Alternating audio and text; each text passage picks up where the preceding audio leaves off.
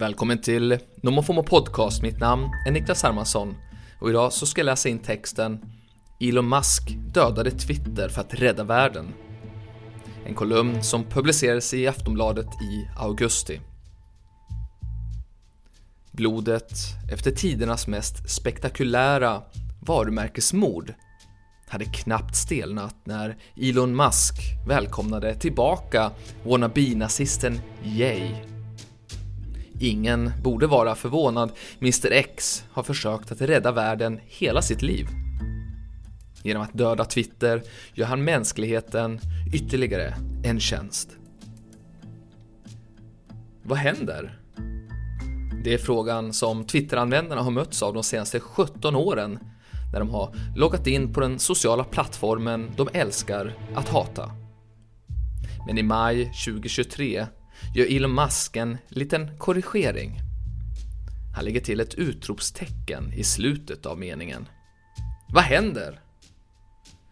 Syftet är att skruva upp tonläget ytterligare på en plattform med sällsynt generösa svängdörrar för högerextremister, konspiratörer och anti-woke-troll.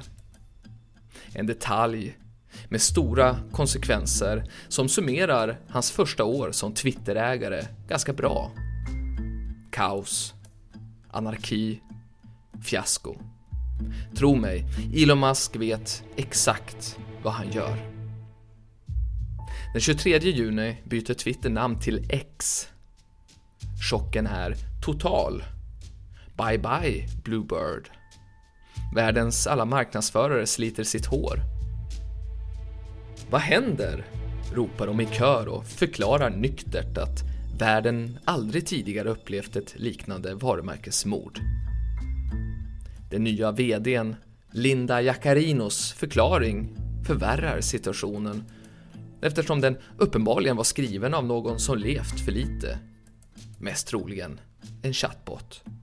Linda Jaccarino twittrar X is the future state of unlimited interactivity, centered in audio, video, messaging, payments, creating a global marketplace for ideas, goods, services, and opportunities.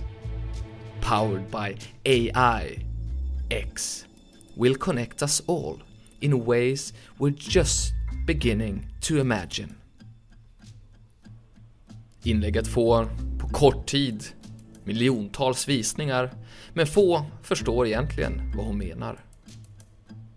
Och så har vi den nya loggan, den som skapades över en natt av en utav Musks skrivbordssoldater. Varumärkesexperterna rasar. De har aldrig sett en fulare logga. Vad händer? Ropar de i kör och förklarar nyktert att den nya loggan konnoterar dystopi och skolskjutningar.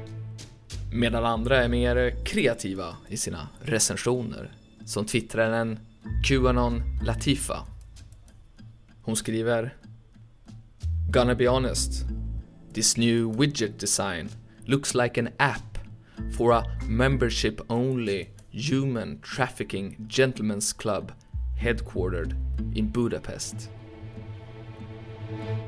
Elon Musk gnuggar sina händer belåtet och låter installera den nya loggan på byggnaden han hatar i staden han hatar för att ingen ska missa att han har bytt namn på företaget han egentligen hatar.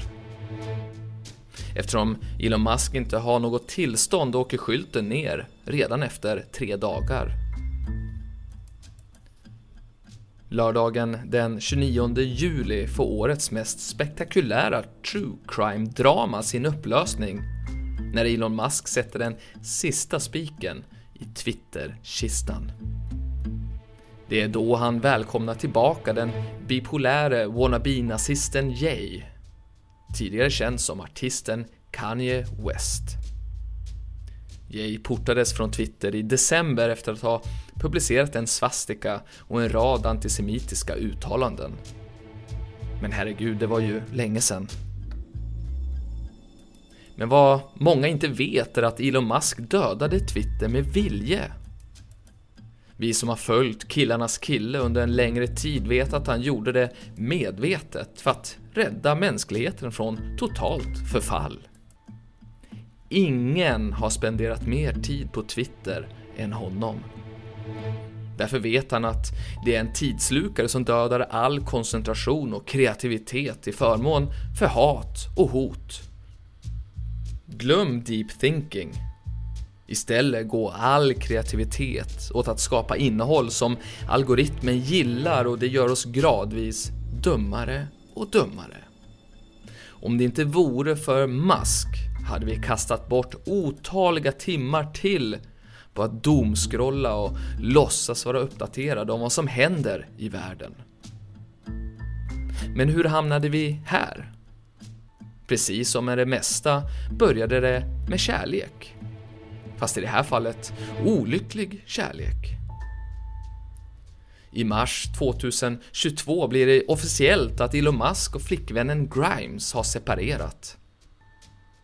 Musk spenderar den nyvunna egentiden på Twitter där han eldar upp de unga, ensamma männen med en energi som forskare hittills endast har hittat i nyskilda män. En månad senare står det klart att han vill köpa hela plattformen, vilket är fullt rimligt. Han har ju redan alla bilar i världen. Prislappen slutar på 44 miljarder dollar. Det är inte gratis att rädda världen. Det kommande året blir en uppvisning i hur man bränner ner en kulturkyrka. Man kan anklaga Elon Musk för mycket, men eh, han har verkligen gjort allt i sin makt för att döda Twitter sedan han köpte den sociala plattformen för knappt ett år sedan. Han sparkar 80% av sina anställda, benådar portade sexister och rasister, mixtrar med algoritmerna och kräver tusen spänn i månaden av alla som vill ha verifierade konton. Plattformen fylls med hat, hot och porr. Appen kraschar. Annonsörerna flyr. Men Musk är inte klar. För att försäkra sig om att vara dagens snackis varje dag så fyller han användarnas tidslinjer med sig själv genom att ge sina egna tweets superexponering. Fienderna vädrar blod. Nya så kallade Twitterdödare lanseras. Blue Sky, Mastodon och till slut så nappar även kopieringskungen Mark Zuckerberg. Metas VD uppfann Facebook när han var 19 år och har därefter byggt sin karriär på att kopiera andras framgångsrecept. Den här gången heter produkten Threads. Men det satt långt inne. Nyheten om att Meta ska släppa en Twitter-kopia kommer bara några veckor efter att Elon Musk utmanat Zuckerberg i en MMA-fight och ifrågasatt hans manlighet. Musk twittrar. Suck is a cuck. I propose a literal dick measuring contest. Elon Musk vet vad han gör. Han, om någon, vet att real innovation kräver konkurrens. Tjocka katter gör inte världen bättre. Tvärtom. Monopol cementerar världen. Twitter var en tjock katt i textvärlden ohotad. Men nu, när liket är begravt, så öppnas spelplanen för nya aktörer som i bästa fall kan skapa världar som premierar kreativitet, empati och meningsfulla samtal. Så länge odjuret Twitter levde var det en utopi. Nu kan det bli verklighet. Och vi har Elon Musk att tacka för allt. Han är en osentimental vetenskapsman som bryter ner problem i minsta detalj för att förstå the basics. Det är därför som man ofta hittar mer innovativa och effektiva lösningar än andra. Ett exempel är rymdbolaget SpaceX födelse. istället för att acceptera att det är superdyrt att bygga rymdraketer, så bröt han ner problemet till dess mest grundläggande delar. Han synade kostnaderna för allt från råmaterial till personal och produktion och genom att backa bandet hela vägen upptäckte han att det gick att bygga billigare rymdraketer. Vilket resulterade i skapandet av SpaceX.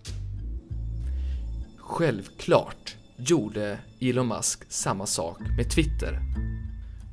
Twitter blev hans rebound-ligg efter Grimes. Sen blev han kär och tappade förståndet tills han backade bandet och insåg att han måste mörda den blåa fågeln för att göra världen bättre. Och det är precis vad Elon Musk föddes till att göra. Elbilar, rymdinternet, solenergi, hjärnimplantat och billigare rymdresor. Elon Musk är utan tvekan vår generations främste atomentreprenör. Att döda Twitter, det borde egentligen ha varit omöjligt. Men du kan alltid lita på Elon Musk. Mitt namn är Niklas Hermansson. Tack för att du har lyssnat. Vi hörs och ses snart igen.